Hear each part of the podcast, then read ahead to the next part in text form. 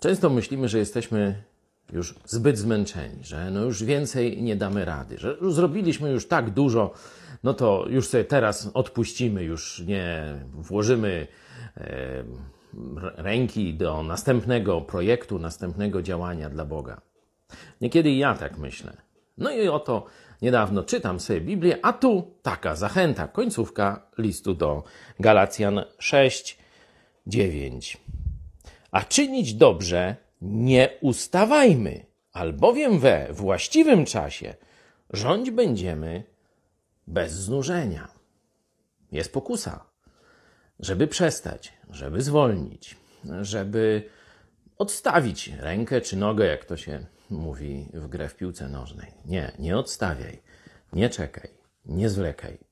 Jeśli możesz, jeśli Bóg daje okazję, oczywiście w mądry sposób, mając też czas na wypoczynek, ale pamiętaj, że tu jest bieg, tu właśnie masz nie ustawać, a kiedyś przyjdzie czas na spożywanie owoców.